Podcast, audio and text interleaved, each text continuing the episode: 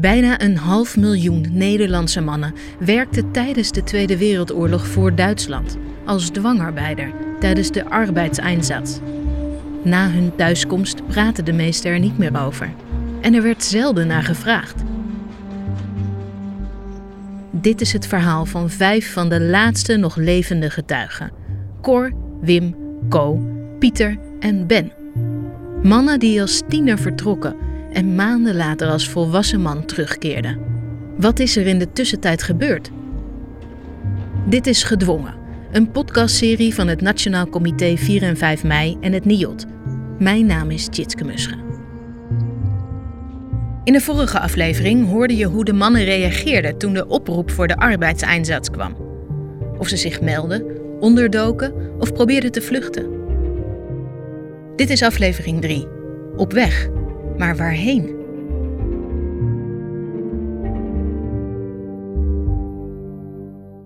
Toen we in Delft de volgende dag naar een trein werden gebracht, hadden we het idee van, nou, dit uh, wordt uh, wel verder weg. Tijdens de grote razzia op 10 en 11 november 1944 zijn er in Rotterdam ruim 50.000 mannen opgepakt. Onder wie Wim Missel, de 17-jarige scholier die nog in zijn badpak probeerde te vluchten. Te vergeefs. De volgende dag wordt hij in alle vroegte naar het treinstation in Delft gebracht. Ik kan niet eens zeggen dat ik zo angstig was. Je wist niet wat je overkomen zou, maar je had ook het idee van het kan nooit erger worden. Wim en zijn medegevangenen worden in een veewagon gestopt. Ik dacht 78 man. Er lag wat stro op de grond, maar het was niet bedekkend. Zo weinig was het eigenlijk maar. Luikjes uh, in de hoogte, in de hoek. En schuifdeuren. De schuifdeuren gingen dicht, grendel eroverheen. kon geen mens bij. En uh, ja, niet iedereen houdt het vol om te staan. Dus er zijn mensen die willen gaan zitten, maar er is geen plek om te zitten. Dat heeft zeker anderhalf, twee dagen heel veel ellende gegeven van geschreeuw en geduw en schop en weet ik het wat allemaal. Totdat men in de gaten kreeg als je het een beetje probeert te verdelen, als de helft gaat zitten. En zitten betekende dus op je achterste je benen opgetrokken, je rug opgetrokken. En je gaat met je benen over het lichaam van je buurman heen. En die doet dat ook weer en die doet dat ook weer. En zo kun je het bereiken dat je het voor de helft kan zitten. De rest die niet kan zitten, staat. Ja, dan komt het kwestie natuurlijk dat er ook geen sanitair is. Nou ja, dan zijn er mensen die het voor elkaar krijgen om een gaatje in de bodem te kerven. En daar moeten we het dan mee doen. Het wonderlijke is dat je tot de ontdekking komt: we zijn met mensen. En het lijkt wel of we wat anders zijn. Dieren. Zijn dieren zo? Ben Teesink, die eerder aan de oproep voor de arbeidseinsatz wist te ontkomen omdat hij te jong was, heeft zich nu toch moeten melden op de markt in Apeldoorn. Hij is 16. De nacht brengt hij door in een oud schoolgebouw waar alle mannen verzameld worden. Er zaten een stel jongelui die begonnen te zingen van in het groene dal en het waterval en waar de blanke top de duinen. Nou, dat werd toen op een gegeven moment overgenomen door meerdere en er werd Steven Wilhelmers gezongen, het volkslied. Met het gevolg dat de stel kerels, ik denk van de Nederlandse Waffen is, de school instormde en uh, koppen dicht, koppen dicht. En schoten in het plafond met geweren. Nou, fijn, iedereen hield op. Met het gevolg dat Wilhelmus toch voor mij altijd nog weer even een, een stapje terug is. Cor van Dijk, de keeper uit Poeldijk, wist na de eerste oproep nog onder te duiken. Maar nu heeft hij zich toch moeten melden, samen met honderd andere jongens. In een open vrachtauto worden ze naar Rotterdam gebracht. Het was gewoon misdadig. Dat je dus achter op een open vrachtauto hier vandaan naar Rotterdam gebracht werd. Het was uh, erg uh, mensonwaardig. En in Rotterdam werden we dus afgezet bij een, een soort hotel. Het zag er heel verwaarloosd uit. En daar werden wij ingestopt. Met uh, zes man op een kamer, geloof ik. Nou, we zouden daar dus moeten gaan slapen, maar er is natuurlijk ook niks van terechtgekomen. Maar ja, je voelt je nog steeds natuurlijk een uh, opgejaagd beest. De volgende dag vertrekken ze met de trein. Als ze uren later in Frankfurt aankomen, volgt een controle. Nou, toen werden we op een rij gezet, van klein naar groot. Ook weer belachelijk natuurlijk, of eigenlijk is het beschamend. En ik was dus even de grootste toevallig, dus ik stond helemaal aan het eind. En toen kwamen er dus Duitse, dat waren onze Duitse werkgevers, bleek achteraf. En voorop liep dus degene die had de eerste keus, maar die man die was ook lid van de Nationaal Socialistische Partij. Dus die mocht het eerste, mocht hij uh, zijn prooi kiezen. De man kiest Cor. Hij heeft drie tuinders nodig en Cor mag de andere twee kiezen.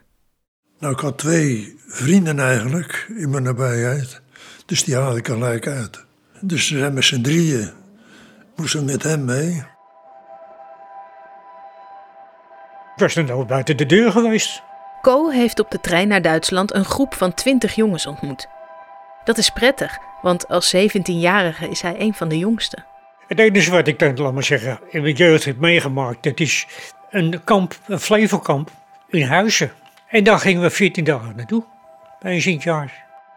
Samen komen ze terecht in een fabriek waar bommen gemaakt worden. Bommen om de vijand, waaronder dus Nederland, te bombarderen. De opdracht om de stempel op de kop van de, van de bom te slaan. Met de hamer. En dan rolde je verder.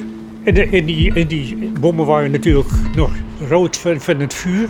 Dus het was eh, behoorlijk heet nog. Vijf maanden blijven Co en zijn vrienden daar in de bommenfabriek. Ze slapen in een groot kamp, een lager. Er stond een hok met een plank erover, dat was de wc. Zit met z'n drieën naast elkaar. En uh, daar heb ik vijf maanden heb ik daar gewerkt. En hoe zag die werkdag eruit? 13 uur per dag en 11 uur in de nacht. En zondags hadden we dan vrij. En dan krijg je de wisselingen. Dat je weer de nacht moest of in de dag naartoe het uitkomt. En wat kreeg u te eten? Gelijk wat, wat de Duitsers kregen. Dus wat dat betreft heb ik ook geen honger gelegen. Nee. En waren er andere nationaliteiten? Ja, de Fransen, Duitsers en, en de Belgen en noem maar op. Ja. Overdag zag je elkaar niet. Alleen s'avonds trof je elkaar. Co is dan wel een van de jongste arbeiders. Hij is niet op zijn mondje gevallen. Onder de Hollanders had je ook een soort ondernemersraad. Die werden dan getolereerd door de Duitsers. Dan kon je dan eventuele klachten. En uh, ik voelde dat ik een te lage functie had. Dus ik heb mij gemeld bij die, bij die klanten en die zei, nou sorry dat je papieren hebt. En zodoende kwam ik in die slijperij terecht. Gewoon met, met zes Russinen. En hoe was de sfeer daar, op de werkvloer? De sfeer? Nou ja, het was gewoon met elkaar oude jongens krentenbrood. Ja, want het waren collega's met elkaar. Ja. Ook met de Russinnen? Oh, ook, ook met de Russinnen, ja. En er waren ook uh, knapen, ja, de verkering met, uh, met de Russinnen. Maar ja, ik was 18, 19 jaar. Ja, wat, wat ben ik genoemd? U was niet met die vrouwen bezig? nee, nog niet. Nee, nee. Co wordt regelmatig naar een nieuwe plek gebracht. Weer een andere fabriek om te werken. Maar hij blijft steeds samen met de jongens die hij in de trein ontmoette. Nu nog wel. En daar hebben we nog met elkaar, daar kan we nou weer in Schiet beneden te binnen, een toneelvereniging opgericht met elkaar. Wat we daar uitgevreten hebben op het toneel, dat weet ik niet. De Duitsers kwamen, zelfs Hoge Pieter kwamen zelfs. Ja, dat was allemaal heel prachtig. Maar hoeveel vrijheid had u? Alle vrijheid.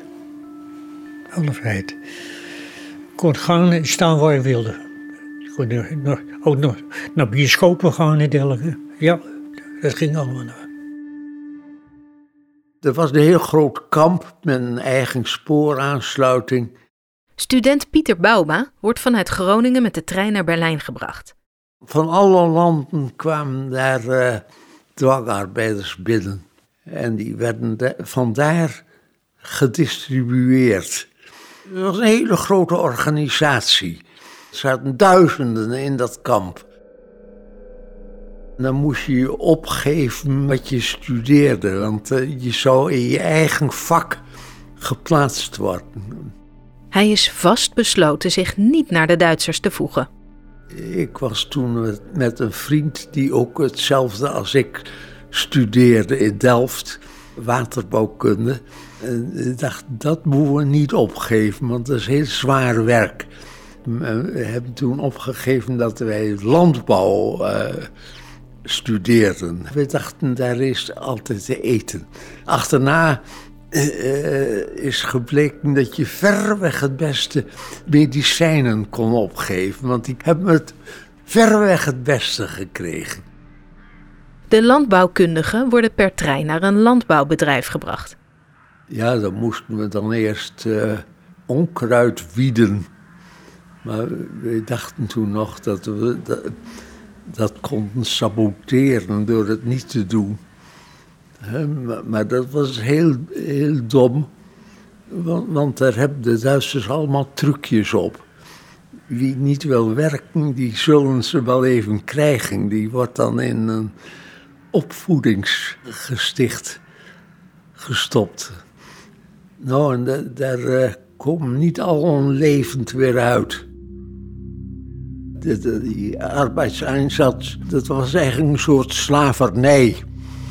Westerse landen die hebben in de 19e eeuw allemaal de slavernij afgeschaft. En de Duitsers die hebben in de oorlog die slavernij weer ingevoerd. Toch blijft Pieter zich, weliswaar in stilte, verzetten. Als hij naar een ander bedrijf wordt gebracht, een boomkwekerij, voert hij weinig uit. Nou, daar hebben we drie maanden gezeten en niks gedaan. Niks. Ja, dan moesten we maar wat onkruid bieden en ja, dan was er weer niks te doen. Dan ging je naar de wc. En zo was je de hele dag bezig met niks. Het gek is, ik heb in de hele Duitse tijd heb ik nooit hard gewerkt. Dat was allemaal een beetje omhangen, dat was eigenlijk niks. Heel raar. Er was ook een café, daar gingen we dan wel heen. En we konden daar dan ook een glaasje bier drinken. Of eh, ja, daar zaten we dan een beetje. En, eh, wij, wij kregen een beetje geld. En dat was genoeg voor, eh, voor deze uitspattingen. Was het ook een, een leuke tijd in die zin? Nou, nee, leuk niet, nee. We maakten er maar van wat er van te maken was.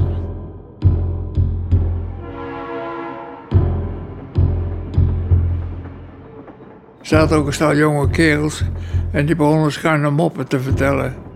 De 16-jarige Ben Teesink wordt eind 1944 in Apeldoorn samen met zijn vader op de trein gezet. Ja, dat is ook van pure zenuwen. Gewoon een afwijkend gedrag. Van eh, wij zijn niet bang over, we, ze maken ons niks. En eh, nou ja, allemaal gekke ideeën. En eh, mijn vader die zat daarmee. En die nam mij zo arm over de schouder heen en zei: Jongen, die probeerde mij te beschermen tegen dat geweld van de maatschappij. Als de trein uren later stopt, blijken ze niet in Duitsland te zijn, maar in Zevenaar, waar Ben en zijn vader bomen moeten sjouwen naar de tabaksfabriek. Toen ontdekte ik toch dat ik een van de kleinste was. Want ik had nooit een boomstam op mijn schouder, want er liep altijd een vent die groter was, die de, de, de last droeg. En toen kwamen we in het bos terecht en daar werden we opgewacht door een Duitse officier die ons vertelde dat we bij een graf stonden van een Nederlander die zo eigenwijs was geweest en niet voor de Duitsers wilde werken. En uiteindelijk was er niets anders overgebleven voor de Duitsers dan hem dood te schieten. En eh, daar lag hij te plaatsen. En als er onder ons ook iemand was die zo dom was om te, niet voor, voor Duitsers willen te werken, dan uh, kon hij erbij gaan liggen, want er was ruimte genoeg. En uh, hoorden we dat degene onder de 40, die moesten afscheid nemen, want die gingen naar Duitsland. En boven de 40, die bleven in Nederland, die moesten in Nederland graven. Die avond neemt Ben afscheid van zijn vader. We gaven elkaar een hand. Het gaat je goed. Emoties waren er natuurlijk wel ondergronds eh, van binnen.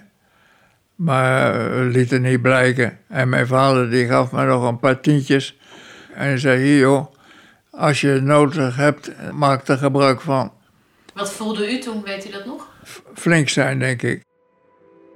Er waren veel meer vaders en zoons die gescheiden werden. Maar uh, dat je je verlaten voelt, dat is een heel ander gevoel. Dit was een gevoel van, ja, we moeten zien dat we er doorkomen.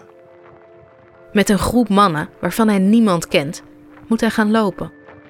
We zijn aan, aan het lopen gegaan en er waren mensen bij die klompen aan hadden. Er waren mensen die helemaal niet gewend waren om te lopen. Dus na een kilometer of zo van 30 waren er mensen bij die de voeten kapot hadden. En uh, dan ging je arm in arm, werden ze meegesleept. En daar heb je dus uh, kerels die zeiden, kom op jongens, kom, doorzetten. Na uren lopen komen ze aan in Rees, een dorp over de grens in Duitsland. Ben komt terecht in een kamp bij een dakpannenfabriek. Het is midden in de winter. Het was een droogloods. Die loods die is ongeveer 50 meter lang. En dat is eigenlijk in feite een, een dak met pannen.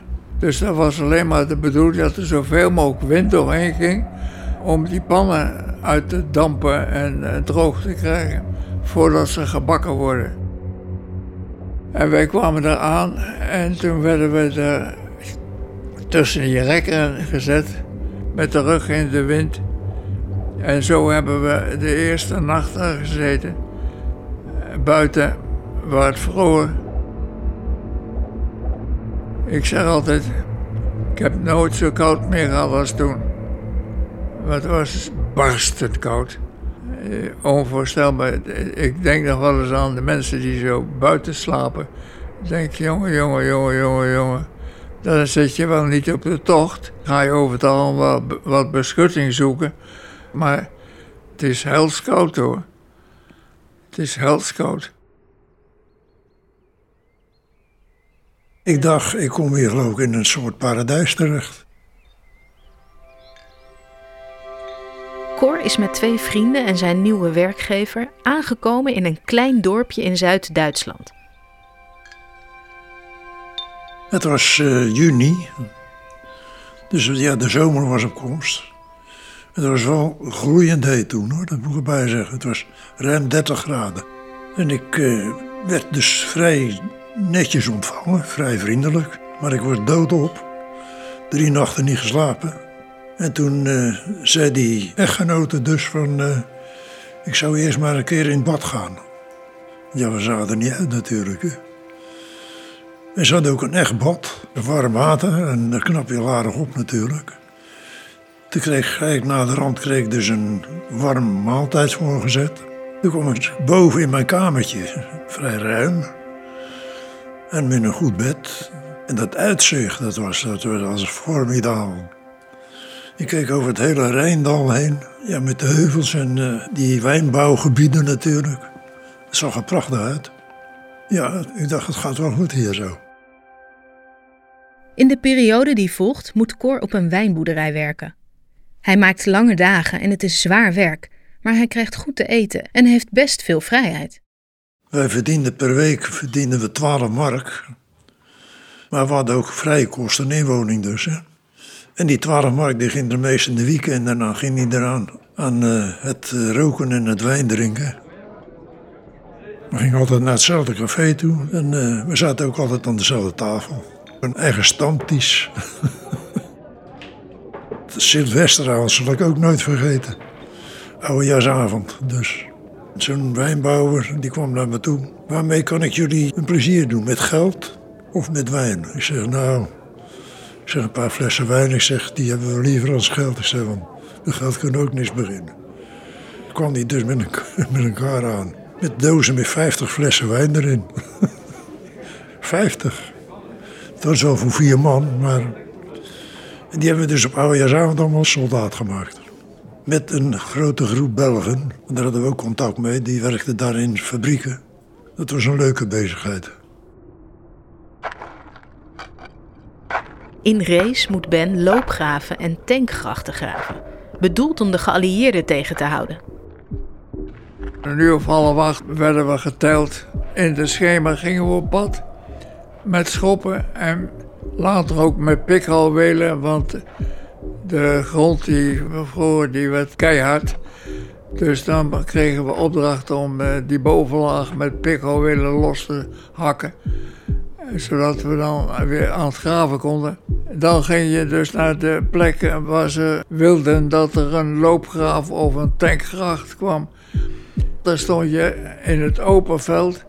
Ik heb geluk gehad dat onze groep nog alles uh, loopgraven moesten maken. En weet je wat het was? Als je een loopgraaf moest maken, die bovenlaag die werd er dan afgehaald. Die zette je op de kant. En dan groef je een geul, 60 centimeter diep. En dan die grond een beetje, een beetje op de kant. En dan kon je, als je dan even niet keken, en dan ging je op de hulken zitten onderin. En dan zat je uit de wind. Even uit de wind zitten. Die smerige racewind noemde ik dat. Noordoostelijke wind met vorst. Behalve dat het ijzig koud en winderig is op de vlaktes van Rees, is er ook weinig te eten. Eén keer per dag kreeg je eten. En dat was een, een halve liter soep. Eh, dat wil zeggen koolsoep, eh, een koolblad in water, daar werd het groen van, en een homp brood. En daar moest je het mee doen. En dan zeiden ze, denk eraan, dat moet je morgen vroeg ook van eten. En morgenmiddag ook. Want morgenavond krijg je pas weer soep en brood.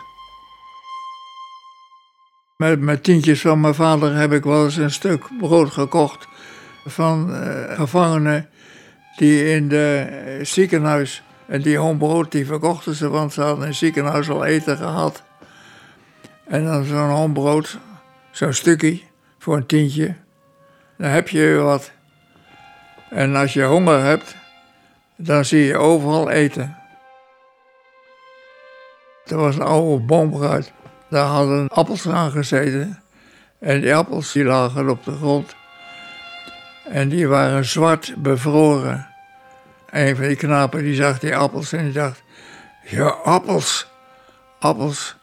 En hij pakte een beet en de prut liep hem tussen de vingers. Maar dan heb je nog het idee van: Maar zou die, die, daar ligt, zou daar nog een stukje goed aan zitten? En zo vluchtte die van de ene naar de andere appel en kneep erin. En overal prut, zwarte pap. Maar ja, ze hadden hem opgemerkt. En uh, binnen de kortste waren drie van die kerels met knuppels hem in elkaar aan slaan.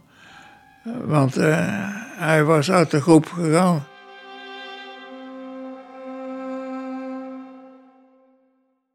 In het café in Berlijn hoort Pieter van de antinazistische Duitsers hoe de oorlog vordert. Hij en zijn collega's houden de stand van zaken nauwlettend bij. De geallieerden die hadden net uh, Tunis, daar hadden ze de Duitsers verslagen. 200.000 gevangenen. En nu werden de geallieerden werden geland in Sicilië. Dat was het begin van de veldtocht in Italië. Nou, daar leefden we erg mee. Dus een grote kaart van Sicilië met vlaggetjes zetten wij al door. Die heeft een van ons ergens bemachtigd. Ik weet niet hoe. Ondertussen bombarderen de Britse en Amerikaanse luchtmachten steeds meer Duitse steden. Keulen, Hamburg, Berlijn, Frankfurt am Main. In het laatste jaar van de oorlog worden maar liefst 131 Duitse steden gebombardeerd. In en rond Berlijn, waar Pieter zit, vinden talloze bombardementen plaats. Nou, die bombardementen, dat was het ergste. Onze eerste, die waren in augustus, begin september. En ja, dat, daar is nooit meer een eind aan gekomen. Ik heb er geloof ik tien meegemaakt. Op het bedrijf hing wel een thermometer. Het is tot min 50 geweest. Wim Missel is terechtgekomen bij een bouwbedrijf in de buurt van München. Hij moet in de puinhopen van de gebombardeerde stad naar restanten hout en metaal zoeken. Daar kunnen dan bijvoorbeeld de spoorwegen van hersteld worden. Het is midden in de winter. Overdag ging je dus weg en ja, dan had je die kou net zo goed natuurlijk. En je liep op de vlakte, van het groot deel van, van de stad was al plat. Dus er waren geen bomen of geen straten meer die de wind tegen konden houden. Dus het woei, dan woei je daar het stof om je oren heen. In het kamp waar hij verblijft zitten ook Italianen, Hongaren en Tsjechoslowaken. En er zijn Poolse krijgsgevangenen. Die moet Wim begeleiden bij het puinruimen. Was de hele dag dus met de Polen eh, in, in de gang. Ik kwam terug, met die vrachtwagen werd binnengebracht. En die werd s'avonds of s'nachts werd hij leeggeladen. En stond de volgende dag stond hij weer kant en klaar met een trekker ervoor om mij weg te brengen. En, eh, maar dan kwam ik daar dus aan en dan was een warme maaltijd. Het was al geweest. Ik kreeg dus altijd een keteltje. Zo'n eenmalige keteltje met een uh, rond handvatje eraan. En daar zat dus uh, wat soep in. En daar moest ik ook de volgende dag mee doen. De ene keer had ik nog een stukje brood en de andere keer was het brood al op. Net als student Pieter verzet ook Wim zich in stilte. Je leefde, hoe zou ik dat zeggen, van dag tot dag. We krijgen wel te horen wat we moeten doen. En we doen het min of meer. Dat is altijd een beetje de, de poging om een, beetje sabotage uit te voeren natuurlijk. Wij waren ook een ploeg van uh, rovers, die Polen en ik. We probeerden overal in de puinhopen naar binnen te komen. Hekken open te maken en te kijken van zit er ergens nog iets van belang dat wij kunnen gebruiken. Eten bijvoorbeeld. Maar op een keer worden ze gesnapt door de Duitsers. Ik heb een paar dagen in de cel gezeten. En ik ben bont en blauw geslagen. En ik loop nog toch met, met een hand, arm, pols die beschadigd is. Dat blijft zo. Al die tijd voelde je dus dat je gedwongen was om te werken. Hoewel Cor het relatief goed heeft op de wijnboerderij, heeft ook hij steeds meer last van de dwang die met het werk gepaard gaat. Je was niet vrij. Je had, je had, je had gewoon iemand, ja, een instelling boven je, die je vertelde wat je moest doen eigenlijk. Hè? En dan vertelt op een dag zijn werkgever dat een stad in de buurt gebombardeerd is en dat Cor moet gaan helpen met puinruimen. Je werd gewoon opgeroepen dus, hè, van uh, morgen aantreden. Met een schop of een houweel. Dan kon je dus uh, met een trein, ging je er nergens heen. Of met een auto. En dan werd je dus uh, weer onder dwang weer uitgeladen. En dan moest je dus kelders leegmaken en nou, alles wat je tegenkwam, dat moest er gerend worden. En toen naderhand die grote bombardementen begonnen, ja, toen kwam de ellende pas goed. Want het laatste half jaar heb ik bijna niks anders meer gedaan dan spuien gerend. In de gebombardeerde steden in de omgeving.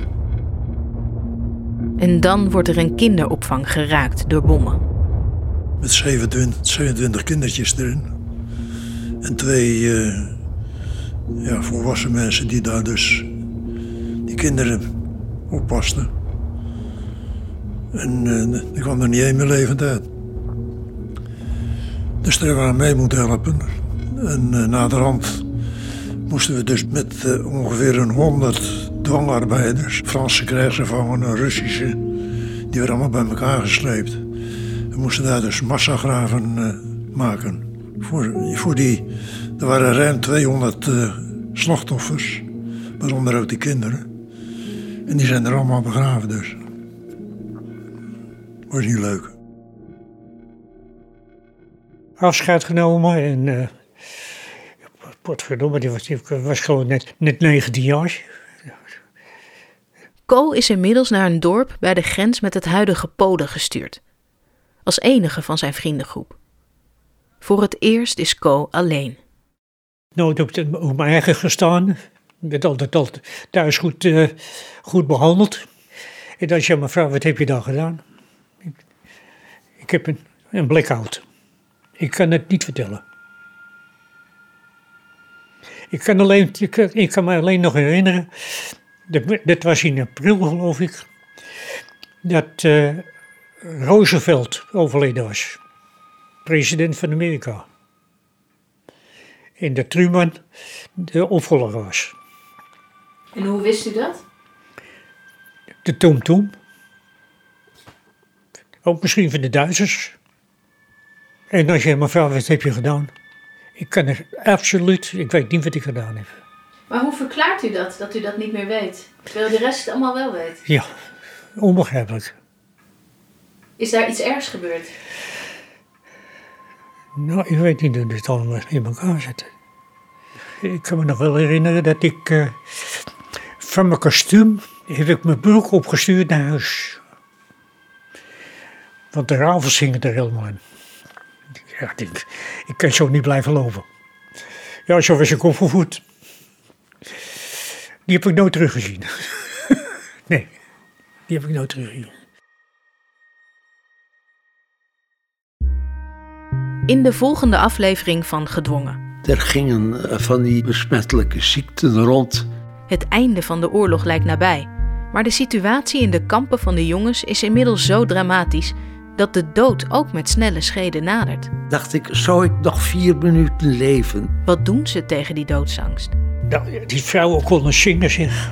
Prachtig. En hoe eindigt hun tijd als dwangarbeider?